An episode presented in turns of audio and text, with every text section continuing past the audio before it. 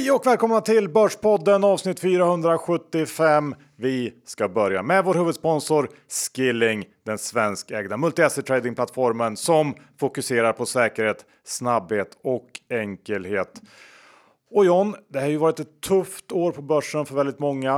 Eh, det kan vara så att de strategier man jobbat med tidigare slutat fungera och därför ska vi snacka om Skillings copy trading tjänst idag. Ja, jag tror det är ganska många som känner sig lite uppgivna på börserna där ute, men det tycker jag inte man ska vara för eh, Skillings Copy Trader är ju ett fantastiskt verktyg där man kan ta rygg på folk som fortfarande är eh, framgångsrika och ja. har hittat en strategi för den här eh, tuffa perioden. Precis. Eh, via då Skillings Copy Trader som man eh, får access till via C-traden så kan man då kopiera över tusen strategier från erfarna traders och eh, ta rygg på deras eh, framgångsrika strategier helt enkelt. Ja, och det som är fantastiskt med copy trading är att det är väldigt enkelt att använda. Man kan bara klicka på start, paus eller stopp eh, så fortsätter man eller slutar med det här. Jag tycker det är väldigt värt att kolla upp. Verkligen. Men kom ihåg att 80% av retailkunder förlorar pengar om man har CFD-uppsöksning.com för fullständig ansvarsfri skrivning. Och John, eh, om man inte är kund på Skilling redan, ja, då är det enkelt. BankID är det som krävs som har svensk kundtjänst. Man laddar ner appen eller surfar in på skilling.com. Och med det säger vi ett stort tack till Skilling. Börsen är sur John, men vad gör det? För vi fortsätter ju Det är du också, eller vad brukar man säga? Vart det i 474 avsnitt? Det där är någon slags missuppfattning. Är jag verkligen sur? Jag är ja. inte så sur eller? Eh, det beror på vem du frågar, men om du frågar mig så är det det. Om jag frågar mig så är jag inte det. Eh, hur som helst, vi är här igen för att gå igenom veckans händelser. Ja, det är ganska mycket kan man säga, för det händer ju fruktansvärt mycket på börserna i den här nedgångsperioden som vi ändå är i. Och ja, jag hoppas vi kan guida er. Vi är denna vecka sponsrade av Mindler, Sveriges största digitala psykologmottagning som även har en företagslösning om. Ja, det är fantastiskt bra att det, det finns 250 eh, psykologer online som man kan få hjälp av hos Mindler. Ja, och också vara helt anonym gentemot sin arbetsgivare. Och arbetsgivare kan snabbt och effektivt erbjuda psykologhjälp åt hela arbetsplatsen via Mindler. Och medarbetarna kan då välja psykolog utifrån det område som de vill få hjälp med. De får en tid inom 24 timmar och de får träffa samma psykolog genom hela behandlingen. Ja, vi på Börspodden älskar ju när företag mår bra och för att företag ska må bra så måste ju även de anställda må bra. Ja, så är det. Och som arbetsgivare så får du en rapport på hur dina medarbetare mår och vilka problemområden som förekommer baserat då på anonym och aggregerad data. Och de största fördelarna med att ta in Mindler som tjänst, eh, vet du vad det är John? Det vet jag faktiskt inte. Nej, men det handlar ju om att kunna arbeta preventivt och förebygga psykisk ohälsa och minska antalet sjukskrivningar och då kunna göra ekonomiska besparingar. Och hela organisationen får ju då en övergripande förbättrad hälsa och produktiviteten ökar och det vill ju alla. Så gå in på mindler.se företag och läs mer om det här. Eh, det är inte så mycket att fundera på. Nej, det känns som att det bara är win-win. Ja, och vi säger ett stort tack till Mindler. Johan Dr. Bass Isaksson, ditt eh, varumärke har ju eh, stigit som en BioArctic-aktie här i den här eh, nedgången vi har. Vi har index i 1800 nu och det är ju rejält brunt där ute. Indexen är 1,5 procent as we speak.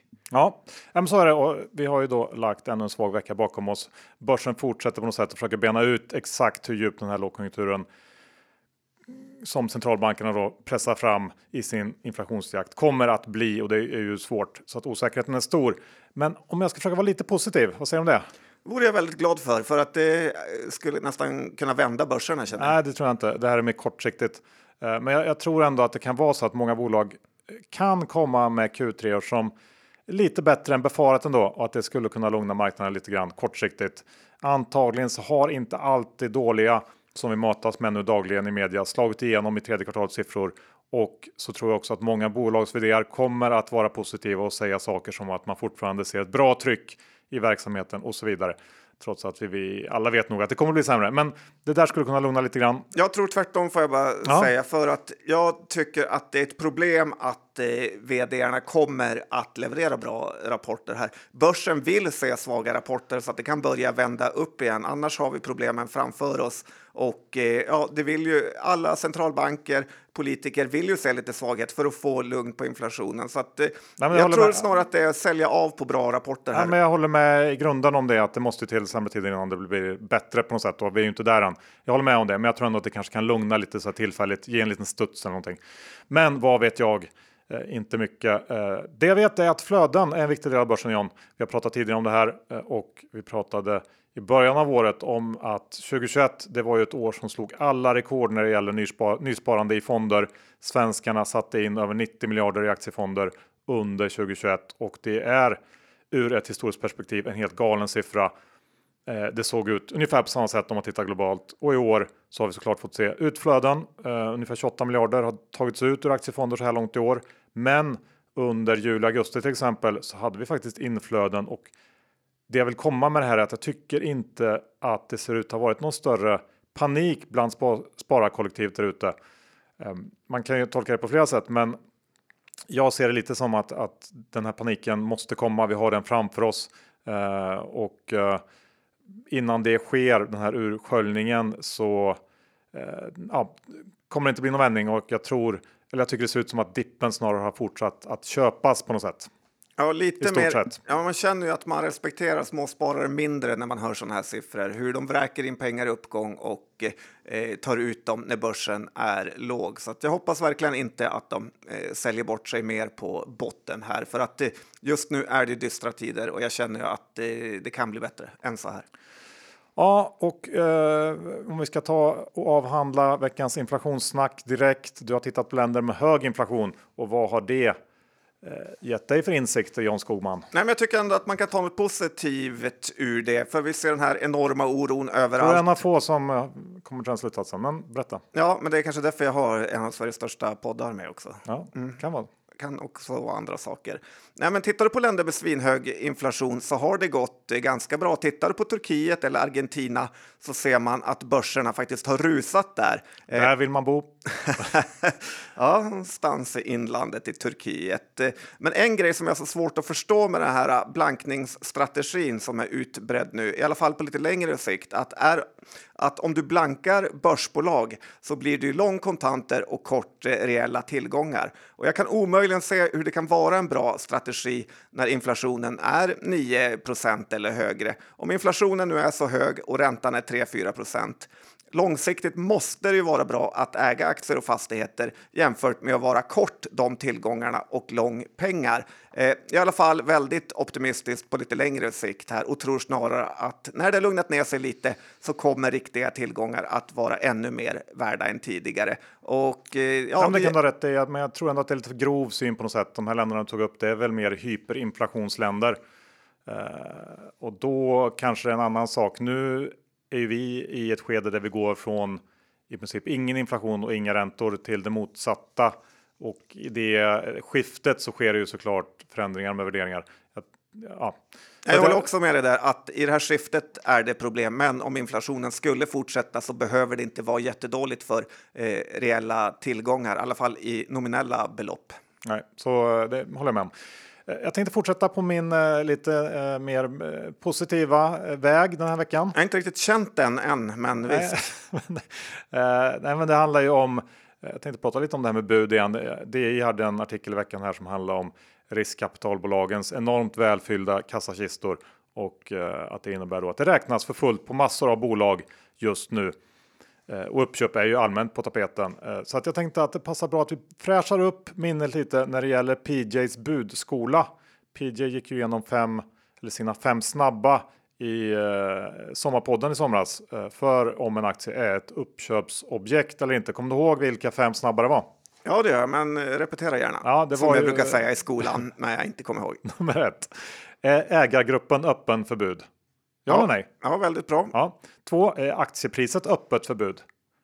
Kan vara lite mer svårtolkat. Men... Ja, verkligen svårtolkat där när aktiekurserna har gått ner. Ägarna brukar ju inte vilja släppa eh, bolag som har eh, tappat allt för mycket utan drömmer sig kvar vid högre nivåer. Ja, så det kan ju tala lite mot generellt nu då när nedgången börjar bli större och större. Eh, är det budrykten kring bolaget?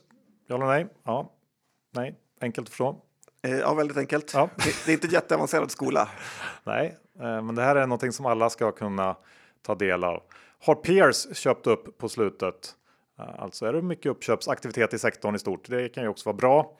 Och sen då den sista, skulle budmultiplar ge eh, en stor uppsida?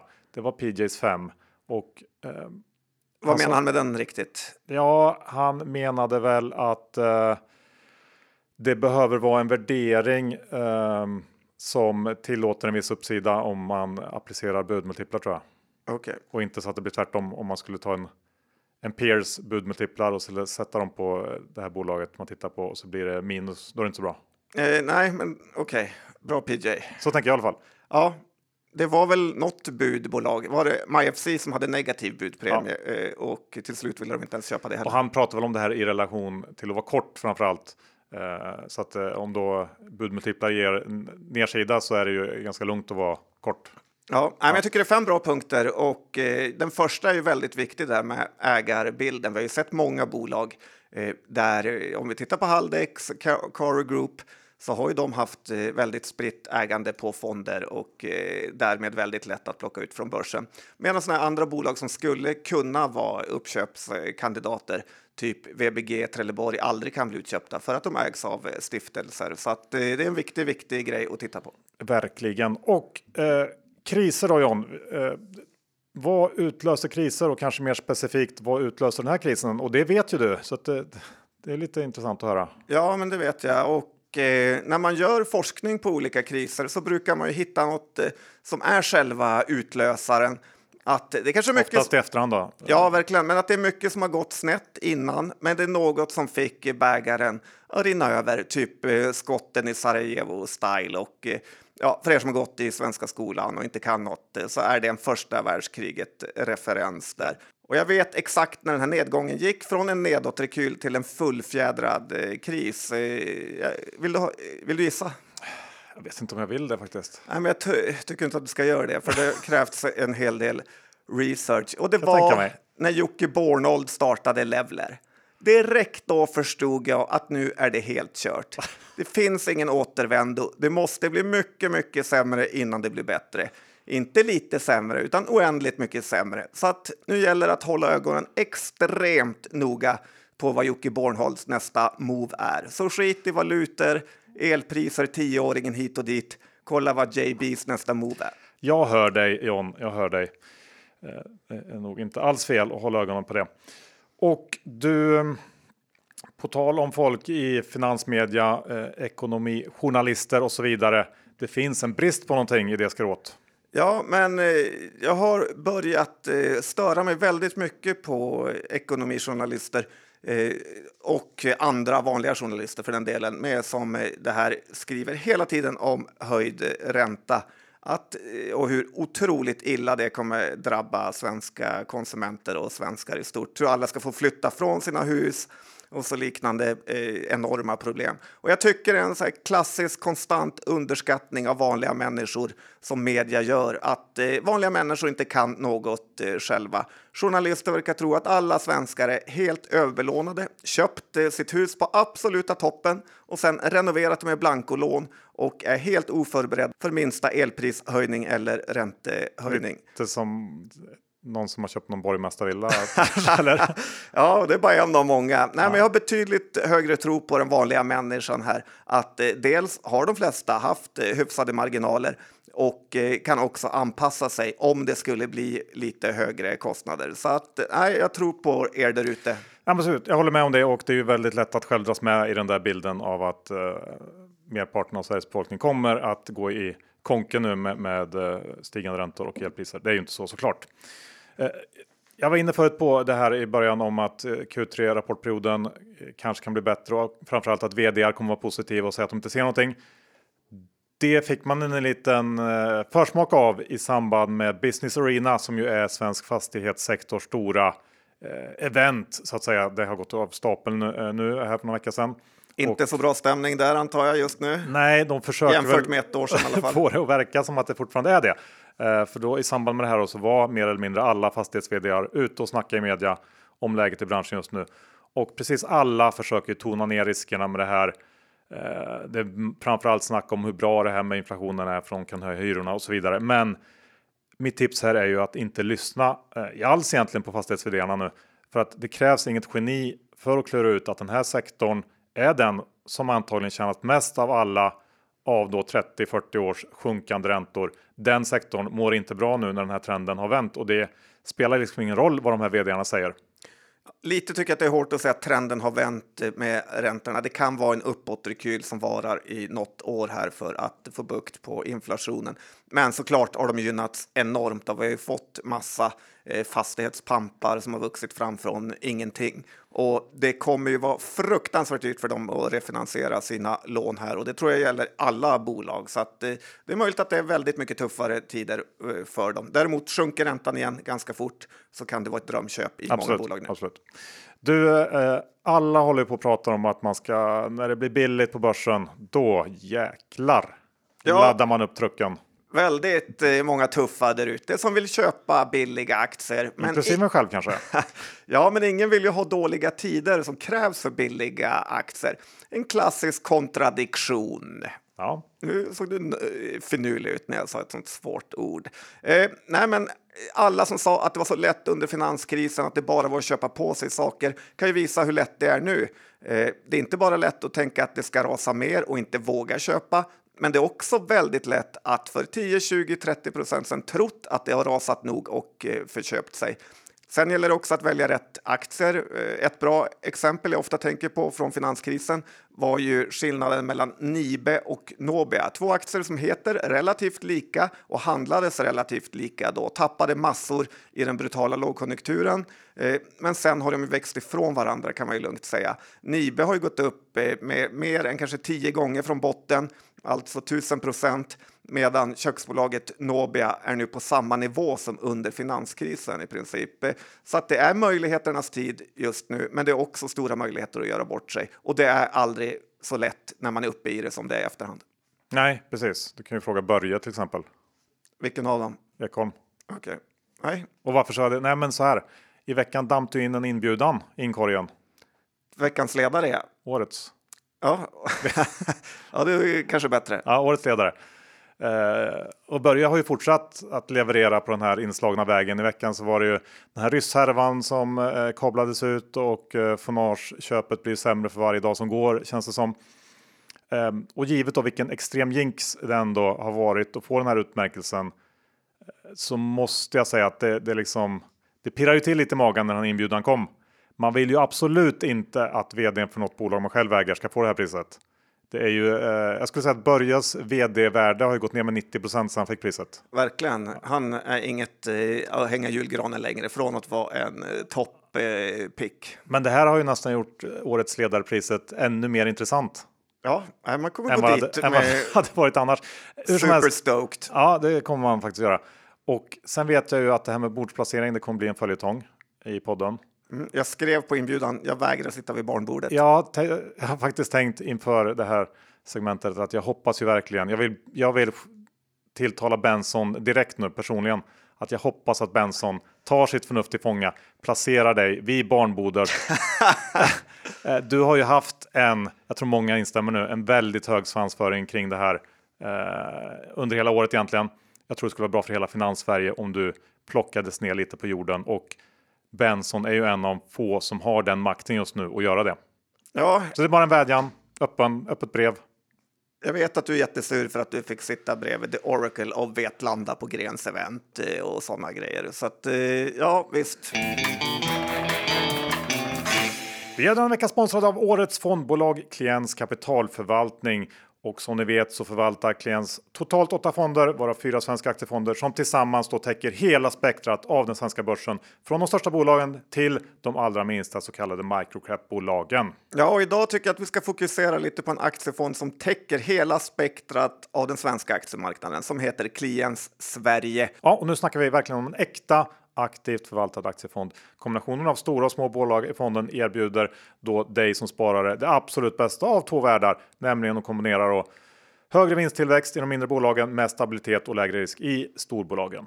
Klient Sverige förvaltas av den väldigt skarpa dalmasen Roger Hedberg som är mest känd för att han överträffat index varje år som han förvaltat fonden och eh, nyligen utsågs till årets bästa Sverigefond av både privata affärer och fondmarknaden.se. Ja, och var kan man köpa Klients Sverige? Ja, det kan man göra på Avanza och Nordnets eh, sajter, men såklart också på Saver som är en prispressare. Ja, men kom ihåg historisk avkastning, garanti för framtida avkastning. Pengar som placeras i fonder kan både öka och minska värde och det är inte säkert att du får tillbaka hela det insatta kapitalet. Och med det säger vi stort tack till Klients kapitalförvaltning. Och John, denna vecka har vi med oss våra gamla vänner Tessin igen och det rullar på bra för dem. Under våren så har ett gäng institutionella investerare fått upp ögonen för Tessins fastighetslån, bland annat då LCM Partners som är en Londonbaserad kapitalförvaltare som i sin tur delägs av en av världens största förvaltare av alternativa investeringar. Och de kommer gå in med ungefär en miljard i krediter under kommande året, vilket ju är härliga nyheter för Tessin. Och du och jag, Johan, var ju hälsade på dem förra veckan när vi gästade deras podd Investera på höjden och snackade om noterade fastighetsbolag. Det här är Investera på höjden med Jonas Björkman. I dagens avsnitt, John letar efter köplägen. Varje kris är det ju några branscher som blir eh, väldigt hårt eh, drabbade och just nu är det fastighetsbranschen så att eh, ja, det är möjligt att det är en av årtiondets bästa trades. Medan Johan ser dystert på framtiden. Nej, det räcker ju såklart inte, tror jag. Jag tror ganska mycket kommer att få stryka på då, om jag ska vara ärlig. Och Peter Benson skapar dålig stämning. Jag känner liksom redan irriterad på Benson. Eh, för... Kanske blir nästa. Nej, men han har liksom, han är lite elitsnubbe. Han har liksom ingen respekt för eh, folket. Ja, det där var ett litet smakprov från eh, Investera på höjden. Gå in och lyssna på det här avsnittet. Det finns också tidigare avsnitt med till exempel legender som Sven-Olof Johansson och Erik Selin. Investera på höjden. Den finns där poddar finns. Vi säger ett stort tack till Tessin. John, eh, inför det här avsnittet så sa du att du vill snacka om Semcon. Jag vill snacka om Ratos. Ja, vi kan väl göra båda, för det känns som att de hör ihop numera. De gör ju det. Vi pratade om Ratos förra veckan eh, och vi visste inte då att de skulle stå till med ett totalt vansinnigt bud på Semcon den här veckan. Nej, det är ju så sinnessjukt får jag säga att mm. i den här perioden av makalös bäs så måste man ta det enda bolaget som det redan är ett bud på och som är skyhögt värderat. Det är nästan svårt att förstå eh, hur det ens är möjligt att komma på den tanken. Det är i alla fall min spontana känsla. Ja, hade vi, jag tänkte säga, för om vi hade vetat det här, då hade vi varit väldigt mycket mer negativa till Ratos. Och det verkar som att eh, Jonas Wiström som då är vd för Ratos håller på med någon slags total makeover av Ratos från investmentbolag till konsultbolag. Eh, vill väl göra om den här framgångsresan som han eh, gjorde med ÅF. Eh, och visst, bygga upp en konsultdel kan absolut ta sina pengar, men eh, som du var inne på, jag är tveksam till sättet man gör det på. Eh, den här budstriden eh, för att få köpa Semcon som ju är, om man ska vara ärlig, historiskt sett i alla fall, har varit ett ganska svajigt bolag. Man betalar runt eh, 20 gånger årsvinsten på toppvinster. Och för någon månad sedan så köpte hon också det här Nitech, eh, även det är ett eh, konsultbolag och även i det fallet betalar man, i alla fall enligt mig, alldeles för mycket. Och risken som jag ser det nu i Ratos i alla fall, är att man slarvar bort den här fina positionen som man skaffat sig efter upprensningen av bolaget som tog sina år eh, och kostade aktieägarna ganska mycket pengar. Eh, för nu har man då på kort tid shoppat upp en hel del av det här stora förvärvsutrymmet som fanns och eh, även om jag kanske inte har så mycket emot de här bolagen som de har köpt så är jag ju väldigt rädd för att de här köpen har gjorts på helt fel värderingar. Och det är eh, ju som alla vet väldigt jobbigt att reparera om det ens går. Ja, men det som är svårt med att förstå med Semcon-förvärvet är ju att det kan ju inte överraska positivt. Om det går som det är tänkt så blir det en okej, okay, knappt eh, bra affär. Man köper ut Semcon till P20. Men om det viker ner, som det verkligen har gjort för Semcon under svaga konjunktursituationer, så kan det ju bli en katastrofaffär eh, istället. Men det jag tycker är lite kul med hela den här sagan är ju att under finanskrisen, som vi refererar mycket till nu, men då var ju Semcon faktiskt nere på under under 10 kronor och totalt uträknat. Nu är det en budstrid istället om samma bolag eh, där man kan sälja sina aktier på 157 kronor. Och dessutom har, ju få, har man ju fått rätt feta utdelningar under åren så att jag tycker det visar på att man inte ska räkna ut aktier bara för att de har en tuff eh, period och att det verkligen går att hitta lönsamma turnarounds. Så att nej, jag får ändå gratulera, eller det får man väl göra, Semcons aktieägare och JCE Group som har väl haft en liten fight med under åren. Eh, nu har de ju både fått eh, Semcon eh, utbudade och Cybercom för några år sedan här så att välfyllt med cash nere i Göteborg. Så är det och på tal om tuffa perioder. Det finns ett bolag som är inne i en sån just nu. Jag tänker på Vitrolife. Ja, men det är en väldigt eh, tuff period. Aktiekursen har inte mått så bra sista tiden. De har väl tappat eh, närmare 40 procent här på en månad. Eh, det började med att vdn avgick och aktien föll 15 procent på det, eh, konstigt nog. Och sen har det eskalerat här till vad som man får väl säga, eh, tycker jag, att det kom en dold blankarrapport igår av Bank of America. Eh, för annars släpper man inte en säljanalys exakt 30 dagar innan rapport då bolaget går in i en tyst period. Eh, och i den här eh, analysen då så hade man en riktkurs långt under dagens aktiekurs. Så det luktar extremt Eh, välkalkylerat det här och eh, nästan lite ja, eh, blankar får man säga som är eh, dolt. Och eh, det är ju så att det här, vi är inne i en period då aktier är väldigt sköra för negativa nyheter. Och den här säljanalysen då från Bank of America är ju ganska diffus med snack om hot från konkurrenter. sen har det också varit något halvsnack ute om att IVF skulle kunna ge blodproppar eller något sånt som Carnegie faktiskt då ute avfärdade direkt här. Vitrolife är ju ett högvärderat bolag som är känsligt för ett svagt eh, börsklimat. Jag har faktiskt köpt lite aktier här för jag tycker det är för spännande att inte syna ner den här eh, Bank of Americas dolda blankar rapport och den här enorma nedgången skulle kunna vara en överreaktion i det här eh, svaga klimatet som har spelat. Tror tyvärr inte att det är det, så du. Okej, okay. var inte du positiv idag? Nej, inte till Vitrolife. Inte till mina grejer. Nej. Okay. Nej, men jag tror det, det stora, stora problemet här är ju att Vitrolife kommer från en värdering som är helt sinnessjuk. Och även om aktien har gått ner varje år, 70% kanske, så är ju värderingen fortfarande jättehög. Det, är, det blir väldigt jobbigt när man när sådana situationer uppstår och eh, det är liksom en, någon slags normalisering som pågår här. Sen kanske det ska vara ganska högt värderat, men det är ju ja. Nej, jag, jag, tror ändå att, att eh, det är mer någonting som håller på att rättas till av naturen så att säga här. Eh, inget annat. Ja, det är ju också högt värderat på 110 kronor som är Bank of Americas. Ja. Eh, samtidigt så brukar ju aktier inte bara eh, lite som Lex Sectra kan man säga att de kan högvärderade bolag brukar alltid återgå till att vara högvärderade så att eh, Eh, du skrämmer mig inte jättemycket med den här gamla klassiska att allt ska gå ner.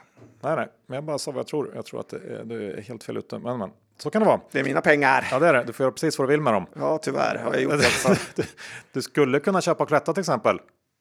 Nej, det tror jag inte. Nej. Nej, Eller jag har lite Cloetta, men jag är ganska besviken på dem. Tänkte ja, du prata om nej, fabriken? Bara, vi har pratat lite om Cloetta på slutet och jag tänkte köra bara en liten uppföljning här eftersom de igår hade den här lilla träffen för analytiker där de uppdaterar marknaden om eh, det här fabriksbygget och dessutom som jag var inne lite på faktiskt sockrade, inte budet, men eh, kalkylen kan man säga. Nu räknar de med eh, att den här investeringen kommer att ge 220 till 260 miljoner kronor ökad ebit istället för 160 till 180 som de sa första gången, vilket ju är en, en ökning. Sen så meddelar de också att utdelningen ligger kvar på en krona. Det tror jag inte så många hade räknat med. Och eh, Cloetta sa också att de kommer undvika andra investeringar på eh, 0,6 miljarder som man hade tvingats till om inte fabriken hade byggts. Så nettot blir då 1,9 istället för 2,5 miljarder investeringar. Eh, ja, lite sådär. Allting såg lite bättre ut om man ska tro på eh, bolaget. Sen är det såklart så att Cloetta kommer få det tufft med alla stigande kostnader. Eh, men jag vet inte. Jag, jag har ju vänt lite grann när det gäller Cloetta. Jag tror på storfabriken. Jag tror på den idén.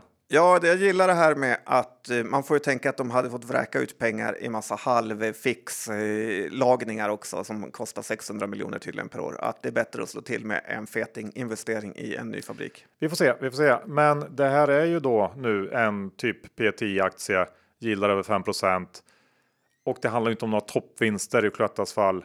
Jag tror ändå att det är den typen av bolag man ska leta efter. Eh, nu säger jag inte att, att Cloetta måste vara rätt.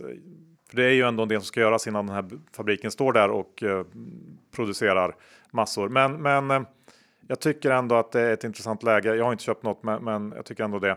Eh, det här är väl också på något sätt eh, någon slags budkandidat med de här eh, Malfors Promotor som äger ja, en tredjedel av, av kapitalet. Så att eh, varför inte plocka ut det på botten här? Ja, jag var ju med i EFN här idag faktiskt med min eh, lillebror som är analytiker på Cloetta och H&M bland annat och då pratar vi en hel del om det där. Så att eh, vill man kika mer med någon som kan Cloetta på riktigt så kan man ju kolla på EFN. Det... Vad sa han då? Nej, men han var ju positiv också och eh, tyckte att eh, det såg ganska bra ut, bra med utdelningen. Det gillar 5,5 procent nu. Jag sa väl eh, lite så här att jag var negativ till utdelningen för att eh, skulle nästan kännas bättre om de tog några år att städa eh, balansräkningen istället för att eh, hetsa med den här utdelningen. Det är ju samma pengar som skyfflas fram och tillbaka. Eh, lite så, men eh, kolla på det om ni vill. Jag var ganska vass. Det tycker du? ja, det är bra att höra. Och bara kort när vi ändå är i det här uppföljningsspåret John. Eh, vi ska väl eh, följa upp Securitas igen. Det blir lite så nu när vi är inne i den här perioden, men de kom ju med en trading update förra veckan. Ja, det fick aktien att rusa. Ja, men det gav lite lugnande besked eh, efter den här kallduschen då som marknaden fick när Stanleys H1-siffror eh, offentliggjordes för en månad sedan. Då brakade den ihop, men utvecklingen för Stanley och hela Securitas har gått åt rätt håll under Q3. Eh, nu visar man bara två av tre månader, men ändå. Och det här är ju nu då ett av de ganska få, eh, vad ska man säga, de-riskade bolagen inför rapportperioden. Um, och nu eh, hoppas jag i alla fall, jag har inte köpt aktier än eller gett mig in i det här emissionsspelet, men jag hoppas på att kurspressen som orsakas av den här pågående emissionen kan fortsätta trycka ner aktien lite till. Handeln med teckningsrätter pågår fram till och med eh, nästa torsdag tror jag det Och eh, ja, jag hoppas på att kunna kanske plocka upp lite Securitas aktier under slutet av den här perioden. Vi får se. Ja, men det är helt rätt. Känns som att jag lärt dig allt du kan lite. Jag behöver ja. inte säga något mer. Nej. Men det är, så ska ni göra. Eh, följ Johans exempel där. Köp inte på er för tidigt. Bra, och hur ska man då göra i? Det finns ju ett stort, stort, stort glädjeämne idag för alla fasälskare där ute.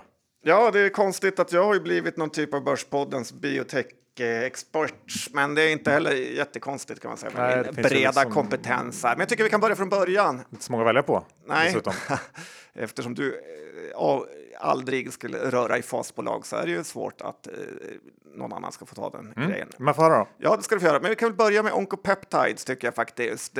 Som vi sa så varnade vi för att nedsidan var brutal inför de här amerikanernas eh, sonderingsmöte. Och eh, Onkos preparat blev ju nedröstat med stor marginal. Eh, lite som när Sverige spelar fotboll, det går aldrig bra där. Eh, här fick ju aktien att falla handlöst. Onko är fortfarande godkända på den europeiska marknaden med sitt preparat, eh, så frågan vad det är värt. Jag har ju sett att analytiker snackar om att kursen i alla fall eh, borde stå en bit över 20-lappen. Eh, men alla som kan något inom läkemedelsbusinessen vet ju att det är USA det är där de stora pengarna finns. Så att eh, för mig är det lite godnatt här och jag avslutar här med bevakningen av Oncopeptides. Så tycker lite synd om Jakob Lindberg som var en profil, men det räcker inte alltid Johan. Nej, tatueringar och grejer. Ja, tuff var han, men på börsen är det inget som hjälper. Men BioArctic är ju ett fantastiskt eh, glädjeämne som vi har fått på Stockholmsbörsen och det här är inget litet bolag utan det här var ett 7-8 eh, miljarders bolag som nu är väl uppe i en värdering på eh, kring 20 miljarder. Så att det har varit otroligt eh, positivt med deras Eh, resultat som kom in på fas 3 här idag. Och ni som har lite minne kommer väl ihåg hur vi pratade om de här två gubbarna och grundarna Lars Landfelt och Per Gällefors som äger aktier för flera miljarder här och verkligen hade en live changer framför sig i och med de här fas 3-studierna eh, och resultaten. Lars äger 35 procent av bolaget och Per 24. Direkt det blir miljardärer Johan så går jag över till förnamn. Kanske blir det en liten virrig kväll där. Ja, tror jag att de kan unna sig. Det kan de verkligen göra. Det här är ju något bra för hela mänskligheten nästan. Det är lite meningslöst för oss här att bryta ner studion, för det finns ju ganska många som är bättre på det. Men det som sägs är ju att den här studien överträffade alla förväntningar och just mot Alzheimer så finns det ju inte någon konkurrent egentligen och det är ju en enormt dålig sjukdom för samhället som kostar väldigt mycket pengar så att man kan ta mycket, mycket bra betalt för den här eh, typen av medicin. Och sen är det ju så att det brukar ju senare alltid dyka upp lite ifs and buts eh, som är ju en klassiker eh, när det är sådana här biotechbolag, när man börjar gå igenom det finstilta. Men med det sagt så är ju aktien upp över 100 procent just nu, så det är ju en stor succé för hela biotech Sverige och grattis till gubbgänget och eh, alla småsparare som faktiskt är med på det här, för det är en hel del. Eh, det behövs lite positiva nyheter i eh, det bistra klimatet. Så är det, men nu blev det för positivt John, så att vi går över till de vinstvarningar som har ramlat in i veckan, för det har det kommit också. Verkligen, nästan en varje dag känns det som. Ja, och jag tänkte jag ska börja med Intrum. Det är ett bolag som man rent instinktivt inte gillar särskilt mycket. Nej, alla hatar väl att få ett brev från Intrum. Då vet man att man inte har gjort något bra i alla fall. Ja, ungefär så. Eh, och då eh, så gick ju Intrum ut i veckan här med att man har identifierat negativa justeringar på ungefär 3 miljarder eh, på grund av sänkta inkasseringsförväntningar och att det här kommer påverka resultatet för Q3. mer specifikt så handlar det här om då sänkta förväntningar på de här italienska lånen man köpte 2018. Där fick aktien att kollapsa ner nästan 20% Jag såg att flera analytiker menar att det här eh, inte skulle påverka så där jättemycket och att det är en överreaktion och så där. Eh, kanske stämmer i teorin, men då missar man att ta höjd för att sånt här är det ju värsta marknaden vet i bolag som Intrum. Och om man ska vara ärlig så är värderingen av sådana här låneportföljer ingenting man ska ta som absoluta sanningar. Det är bara att se på subprime-lånen och den bubblan för att ta ett exempel. Men när ett bolag som Intrum tvingas till nedjusteringar av lånen vilket man vet att de gör allt, precis allt för att undvika, så är inte det bra. Marknaden är såklart orolig för hur hälsosam resten av låneportföljen är och eh, det tror jag är rimligt för givet att vi har en riktigt tuff period framför oss nu så, så är den oron den är befogad.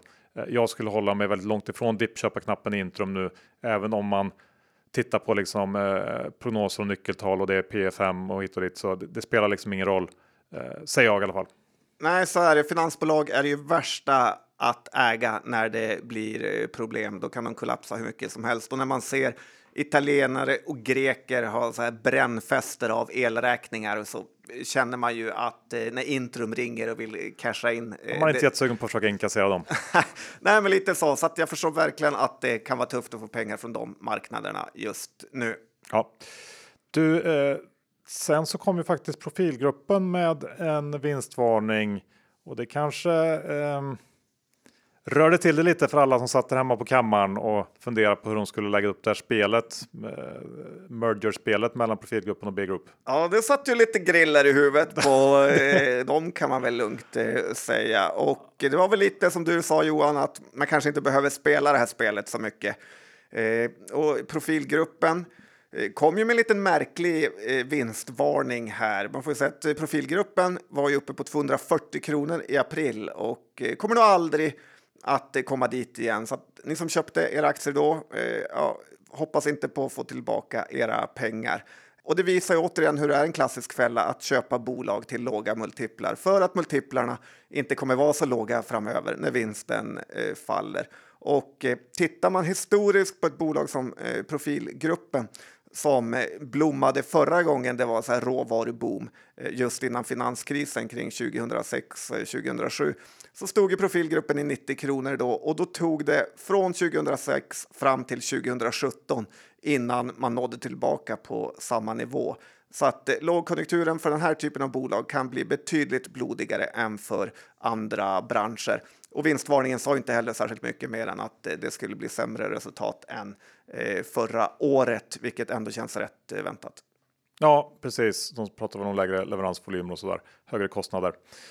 Då blir det vinstvarning. Sen har vi NCC också. Det är väl ingen jätteskräll att NCC tvingats vinstvarna och att den allt svagare ekonomin börjat märkas lite grann i böckerna. Nu var det främst den här asfaltsdelen inom industridelen som haft det tufft. Eh, med massa kostnader som gick rakt upp och det har man inte då hunnit kompensera sig för mot kund. Sen tvingas NCC såklart också göra nedskrivningar i några bostadsprojekt på grund av bristande projektstyrning. Och det här med eh, byggbolag som åker på förluster på grund av bristande projektstyrning kommer vi ju definitivt se mer av. Eh, jag kan ha en viss förståelse för att det är extremt svårt i den här, eller det här väldigt volatila klimatet med eh, olika priser som rör sig snabbt och kraftigt. Men ändå, det här med att äga projektdrivna byggbolag på börsen. Jag vet inte hur bra idé det är faktiskt. Det är mer eller mindre omöjligt att undvika sådana här nedskrivningar över tid. De kommer alltid och även när det går bra så är det ju inga fantastiska siffror som de här bolagen presterar. Så att det, jag vet inte vem de finns till för egentligen. Nej, du får ju aldrig eh, någon hög värdering. Den de finns till för är ju Nordstjärnan, för det är ju de sämsta ägarna på börsen eh, som har gått förbi Stena-sfären. De nosar upp de största surdegarna som går att hitta. Deras aktieportfölj innehåller ju NCC, Bonava, Attendo och eh, Nobia, alltså köksbolaget vi redan sågat en gång för att det är på samma kurs som på finanskrisen. Kul att Dave var på dem lite här och eh, hackade på dem, men det känns ändå som att de skulle kunna hacka på Nordstjärnan ännu mer, för de har verkligen underpresterat. Och det som stör mig enormt mycket med NCC, Johan, det eh, tog du inte upp här, men Nej. det är de här återköpen eh, som man nästan skulle vilja polisanmäla styrelsen för. Hur de kan vara så ofantligt dåliga. Man beslutar om återköp trots att man borde se att det ser lite svajigt ut i verksamheten. Och sen låter man blankarna ligga och sälja rakt in i återköpen och sen vinstvarnar man och förintar aktieägarnas eh, pengar. För NCC har ju presterat så dåligt och det är obegripligt att man då slarvar bort cashen i en sån här eh, svajig eh, lågkonjunktur med återköp och sen vinstvarnar man på det. är obegripligt. Ja, jag skulle säga att eh, merparten av alla bolag som håller på med återköp gör ju fel. Ja, helt otroligt fel. Ja. Eh, men då har vi som tur var ett bolag som antagligen i alla fall eh, gör det rätt. Vet du vilket jag tänker på? Eh, nej, Swedish Match. Ja, Säger du det för jo, lägger, lägger jag ner podden. Ja, det var, nej, nej, nej. bra. Nu tänkte jag på Truecaller. Pontus Dackmo-kommentar. Eh, Truecaller. Ja.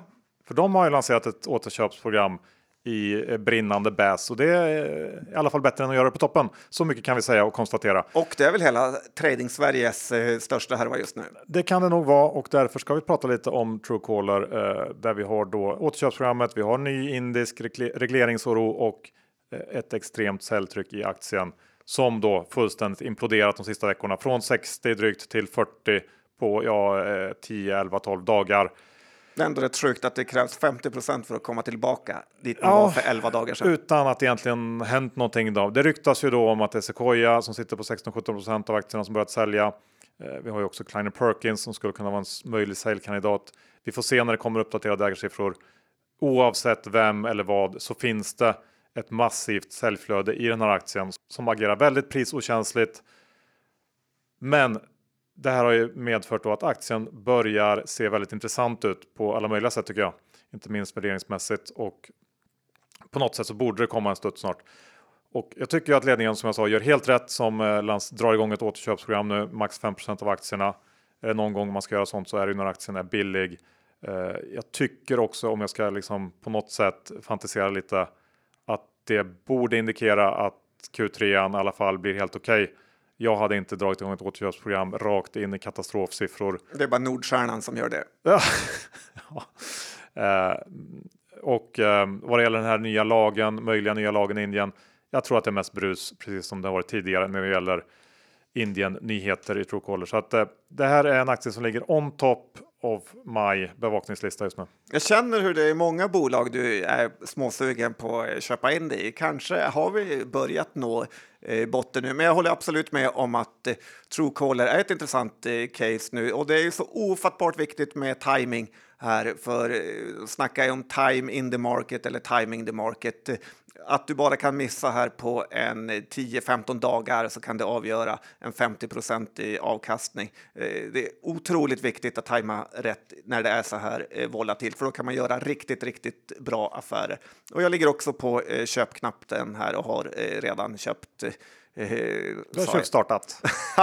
ja, det ångrar jag mig för, men jag hoppas verkligen att de här återköpen inte går till att ledningen säljer ut sig eller något eh, sånt vi har sett i vissa eh, så här projektengagemang eller om det var Jag känner Rutger ju också. mig väldigt, väldigt övertygad om att grundarna inte kommer att röra sina aktier.